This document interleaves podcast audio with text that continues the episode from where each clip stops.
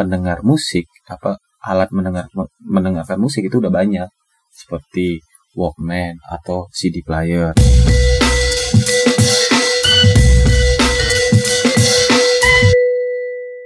Halo, selamat datang di podcast Banyak Bicara. Kembali lagi bersama Onat yang bakal nemenin kalian, yang akan mandu kalian apa ya, yang akan ngisi di podcast dengan tema bicarain hari yang episode ketiga. Hmm, kayaknya bakal ngomongin beberapa hal yang rada-rada serius, kayaknya nggak terlalu serius banget, tapi ya didengerin aja. Apalagi sekarang masuk ke hari kesekian di masa pandemi ini.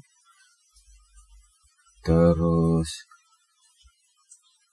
musim hujan berita-berita kemarin itu Jakarta hujan beberapa tempat kebanjiran. Di de beberapa daerah pun hujannya gak berhenti berhenti khususnya di Sumbawa pun sampai saat ini masih hujan. Masih hujan sampai sekarang masih gak berhenti berhenti walaupun hujannya gerimis tiba-tiba gede tiba-tiba gerimis lagi terus berhenti bentar cuman apa ya mendung terus hujan ah males sebenarnya. Bikin uh, kegiatan tidak bisa kegiatan yang khususnya ya yang keluar rumah. Contohnya olahraga atau apa itu nggak bisa ke mana-mana cuman bisa di rumah doang karena hujan. Dan beberapa aktivitas yang di luar rumah pun benar-benar tidak bisa dilakukan karena hujan nggak berhenti berhenti. Nah, jadi ya gitulah harus sabar pandemi, hujan, lengkap, gak bisa ngapa-ngapain bro, cuma di rumah aja. Terus apa namanya? Sekarang yang bisa dilakuin ya cuma stay di rumah. Nah beberapa kegiatan yang stay di rumah apa ya? Kalau aku sendiri di sini selama stay di rumah paling benar-benar ngelakuin aktivitas yang produktif. Contohnya olahraga pagi olahraga. Terus sore, sore itu kalau nggak hujan tuh lari lari sore. Lari sore. Terus pagi sampai sore itu biasanya diisi sama ya paling laptopan ngulik-ngulik lagi ngoding lagi ngulik-ngulik sesuatu hal yang baru belajar belajar desain belajar lihat-lihat uh, hal yang baru. Itu doang. Sekarang pun gak ada yang bisa dilakuin cuman itu doang.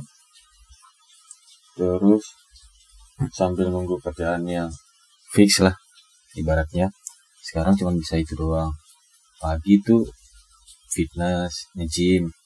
Biasanya pagi itu jam 8 jam 9 tuh udah pergi nge-gym. Habis itu pulang mandi makan apa yang bisa dimakan nonton mainin HP lihat Instagram TikTok semuanya. Terus sekarang ada clubhouse lagi makin seru lagi kalau ada clubhouse. Clubhouse itu bisa oh ya yang belum tahu club clubhouse itu club semacam aplikasi nongkrong online yang bisa bicara cuman cuma apa namanya ya? Cuma voice doang atau suara doang yang bisa kita dengar. Jadi ngobrolnya ngalur ngidul sama teman-teman biasanya mau. Kadang-kadang ada yang ada tongkrongan yang serius ada tongkrongan yang benar-benar bercanda yang vulgar banget. Bebas sih semuanya mau buat apa cuman seru aja. Makin ke sini makin seru. Dan makin ke sini makin makin seru dan makin rame. Makin rame maksudnya makin gak jel, uh, banyak room yang gak jelas. Kayak room cari jodoh lah. Jadi gila cari jodoh di clubhouse. Jadi orang-orang Tinder kayaknya pindah ke clubhouse gitu cari jodoh ada beberapa room-room serius terus ada room-room artis yang kita bisa dengerin obrolannya sesama mereka. Itu doang. Paling kegiatan setelah itu kalau udah capek itu paling pergi ngopi siang ngopi. Karena di sini di Sumbawa nggak ada tempat ngopi pagi sih paling jam 10 baru buka. Jam 10 itu pun nggak nggak semuanya buka. Paling siang pergi ngopi. Di situ berangkat lagi. Lari sore. Baru malam nongkrong kalau nongkrong sih paling nggak nongkrong ke tempat yang rame ya. Nongkrong paling ke rumah temen ke mana yang steril yang nggak banyak orang. Paling orangnya itu itu doang. Bisanya itu. Terus apa lagi ya kegiatan? Oh iya. Akhir-akhir ini tuh lagi baca buku baru. Wih baru beli buku. Kemarin sempat ke komedi gara-gara ini gara-gara salah satu uh, orang apa ya sebutannya? Orang kreatif. Salah satu influencer kayaknya. Gara-gara salah satu influencer yang bekerja di bidang kreatif dia ngeposting buku yang judulnya Start with Why. Yang nulis itu Simon Sinek. Akhirnya coba dia beli bukunya karena kan ya nggak ada kerjaan juga. Karena udah beberapa buku udah habis baca terus coba beli buku yang Start with Why ini. Ternyata belum belum baca sampai habis sih belum baca sampai selesai. Baru setengahnya.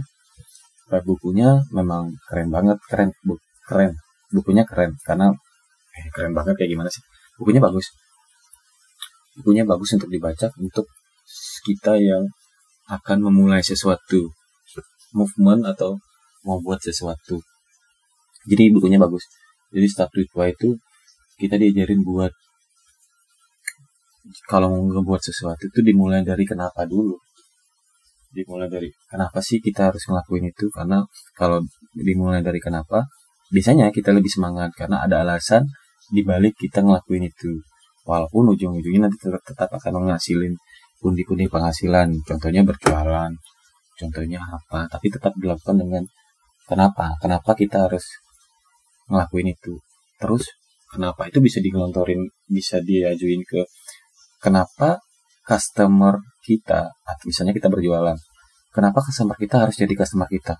Kenapa pegawai kita harus jadi pegawai kita? Jadi kita harus punya kenapa dulu supaya orang percaya dengan apa yang kita lakukan. Karena kalau kalau menurut buku ini uh, kalau kalau dengan apa apa yang kita lakukan sekarang nggak ada kenapanya itu bakal mudah ditinggalin oleh orang. Karena orang ada berbagai macam manusia di dunia ini yang yang bisa ngebuat apa? Apa yang kamu buat sekarang akan dibuat oleh orang lain. Tapi kenapa? Kalau menurut itu tapi kalau kenapa kalau dimulai dengan kenapa itu nggak akan ada yang sama. Itu nggak akan ada yang mungkin sama cuman ada beberapa part yang berbeda jika dimulai dengan kenapa dan itu alasan yang jadi pembeda ketika kita membuat sesuatu dengan dimulai dengan kenapa. Dia dia ngambil contoh dari beberapa pemimpin besar di di dunia yang berhasil menggerakkan beberapa orang apa berhasil menggerakkan massa dan mempunyai loyalitas yang besar terhadap sosok tersebut contohnya uh, Steve Jobs terus John F. Kennedy terus beberapa orang-orang besar yang lainnya. Martin Luther King kayaknya salah satunya. Martin Luther King Junior ah nggak namanya lupa.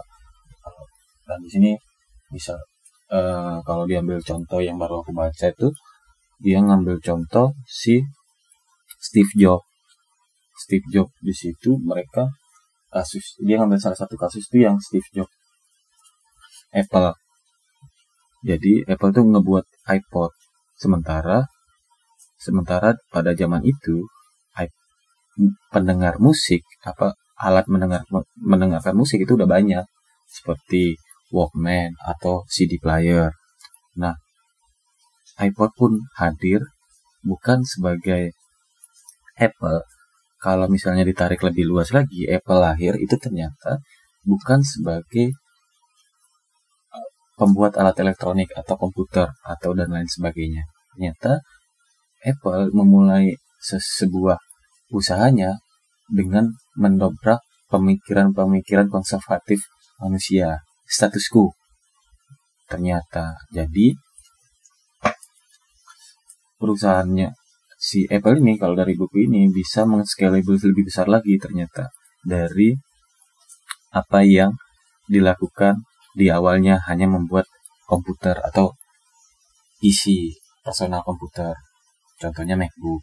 Mereka bisa masuk ke dalam MP3 player. Terus smartwatch sekarang. Terus dan lain sebagainya. Dan ambil contoh kasusnya di iPod dan iTunes. Pada saat itu bukan dia doang pemain yang mengeluarkan MP3 player ada Sony ada beberapa uh, Dell pun pernah membuat itu. Cuman mereka gagal dan hancur. Karena kenapa? Karena mereka tidak memulai dengan kenapa. Kalau dari buku ini. Karena mereka hanya fokus untuk membuat sesuatu yang baru. Bahkan iPod pun iPod dengan motonya mereka motonya si Apple membuat itu adalah 10.000 lagu di dalam sakumu. Karena kan CD dan MP3 player atau Walkman pada saat itu hanya beberapa lagu doang. Jadi bisa ah, harus diganti kaset dan segala macam. Nggak bisa muat banyak. Nah dengan motonya mereka itu itu pun mereka bukan orang yang pertama membuat iPod.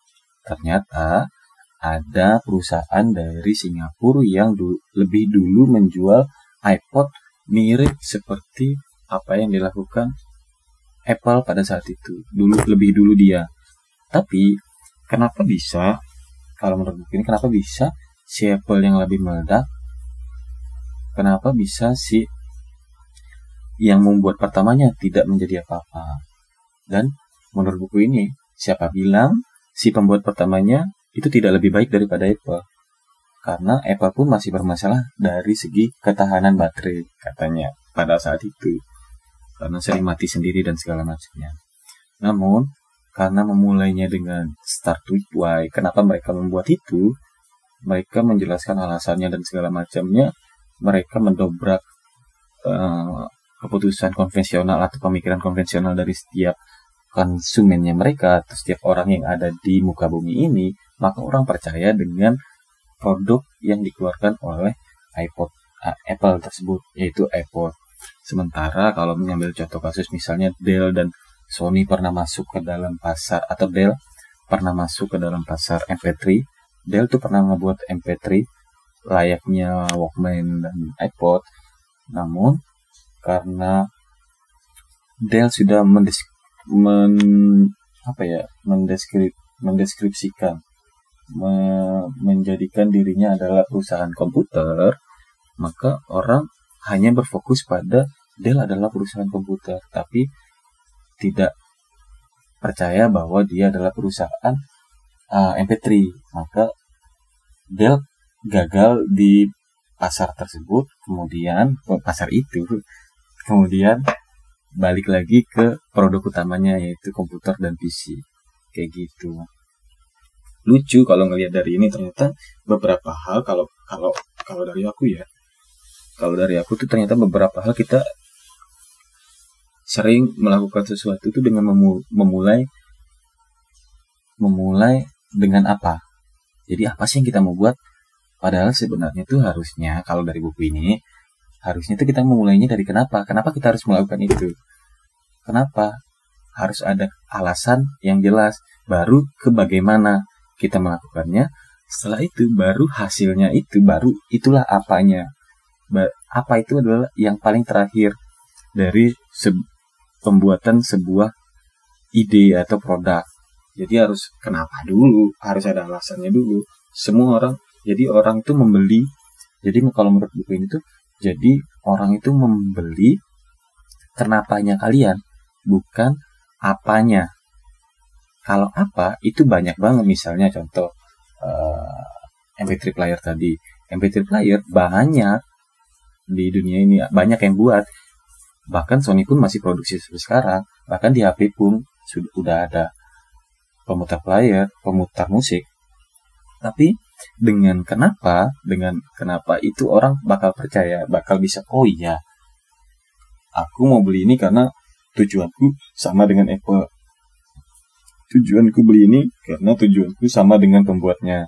Jadi mereka punya apa namanya ya, keterikatan batin dengan produk tersebut terus bakal beli itu terus. Dengan bakal beli itu secara terus menerus kalau dari buku ini. Walaupun belum selesai aku baca nanti mungkin bakal aku share lagi kalau aku udah selesai baca. Tapi overall buku ini keren banget karena banyak cerita yang menginspirasi dan ternyata ada kesalahpahaman dalam pemikiran kita terkait dengan pembuatan sebuah ide atau pembuatan sebuah apa kalau kita mau bergerak itu kenapa? Akhirnya kan kenapa kita harus melakukan itu? Orang-orang tuh harus tahu kenapanya kita biar kita dekat dengan uh, audiensnya. Seperti itu. Jadi gak lagi baca buku ini. Terus dari buku ini beberapa orang pun akhirnya terinspirasi dan merasa terikat dengan produk tersebut. Padahal sebenarnya kalau ditarik-tarik, misalnya apa ya namanya kalau misalnya orang terikat uh, dengan produk tersebut kayak gitu tuh bukan sesuatu yang diciptakan oleh sengaja diciptakan oleh perusahaan tersebut, tapi mereka melakukannya dengan sungguh-sungguh. Jadi di dalam buku ini tuh kalau yang bersifat manipulatif dan hanya dilakukan sesaat itu cenderung tidak akan berhasil.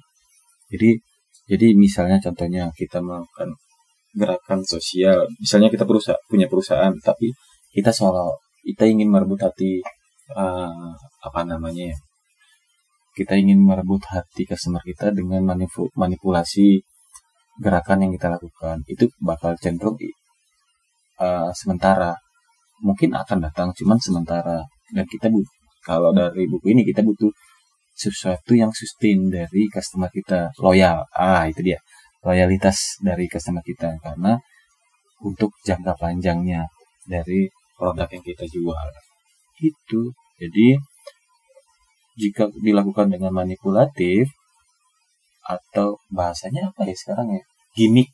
Jika dilakukan dengan gimmick gimmick itu konotasinya negatif ya sekarang ya. Padahal sebenarnya enggak juga. Gimmick itu jika dilakukan dengan gimmick zaman sekarang. Misalnya gimmicknya uh, kalau misalnya di kopi itu apa uh, rasa-rasanya dibohongin segala macam. Itu customer bakal percaya. Cuman mereka bakal terus akan mencari terus akan mencari. Kemudian customernya bakal teredukasi lama kelamaan orang-orang bakal teredukasi. Mereka akan terus belanja oh akhirnya mereka tahu oh ternyata selama ini kita dibohongi walaupun eh, nggak uh, semua perusahaan kayak gitu. Tapi kalau misalnya kita lakukan secara sungguh-sungguh dari awal kita sudah menemukan kenapa kita melakukan itu harusnya setiap langkah perusahaan setiap langkah kita setiap langkah setiap movement yang kita lakukan itu bakal selaras dengan kenapanya. Bakal selaras dengan kenapa yang awal yang kita lakukan. Jadi produknya pun bisa di scalable dan bisa masuk ke seluruh uh, segmen pasar. Misalnya misalnya misalnya kalau dia komputer itu mungkin bisa masuk ke yang lain. Mungkin produk awalnya komputer terus masuk ke sepatu masuk ke mana masuk ke mana. Tapi sesuai dengan kenapanya di awal. Bahkan Apple pun yang awalnya dia nama perusahaannya tuh Apple Computer. Sekarang tuh cuman Apple.ing mereka ngapus komputernya karena karena mereka nggak mau mengkotakkan diri mereka hanya di komputer. Jadi fokusnya di Apple-nya. Kenapa Apple-nya? Jadi mereka bisa masuk ke semua segmen. Contohnya mungkin Xiaomi juga. Xiaomi mereka bisa masuk ke semua segmen yang ada di um, apa namanya? Di masyarakat. Jadi bisa buat jual rice cooker bisa jual TV bisa jual apa karena mereka mau menyelesaikan masalah yang ada di masyarakat, mereka mau mendapatkan teknologi, mungkin. Kenapa? Itu aja. Jadi buku Start with Why ini keren banget. Keren, betul. Kalau kata bahasa kita keren sekali. Ya, bisa menginspirasi setidaknya orang-orang di sekitar kita terlebih dahulu dengan apa yang kita lakukan, kenapa kita melakukan itu sedikit orang dulu nanti makin lebar makin lebar makin lebar makin banyak. Oh orang percaya dengan apa yang kita lakukan secara terus menerus kita konsisten dengan apa yang kita lakukan itu keren banget kalau bisa melakukan itu. Karena apa yang kita percaya itu harus kita percaya dan kita lakukan secara terus menerus konsisten lah intinya. Seperti itu. Uh, kalau kalian punya apa namanya?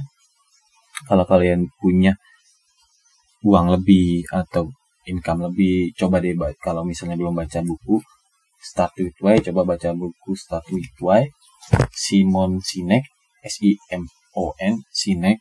Itu bukunya keren banget kalian bisa baca kalian bisa cari di Gramedia di toko online juga banyak. Kalian bisa belinya yang asli supaya keren aja gitu.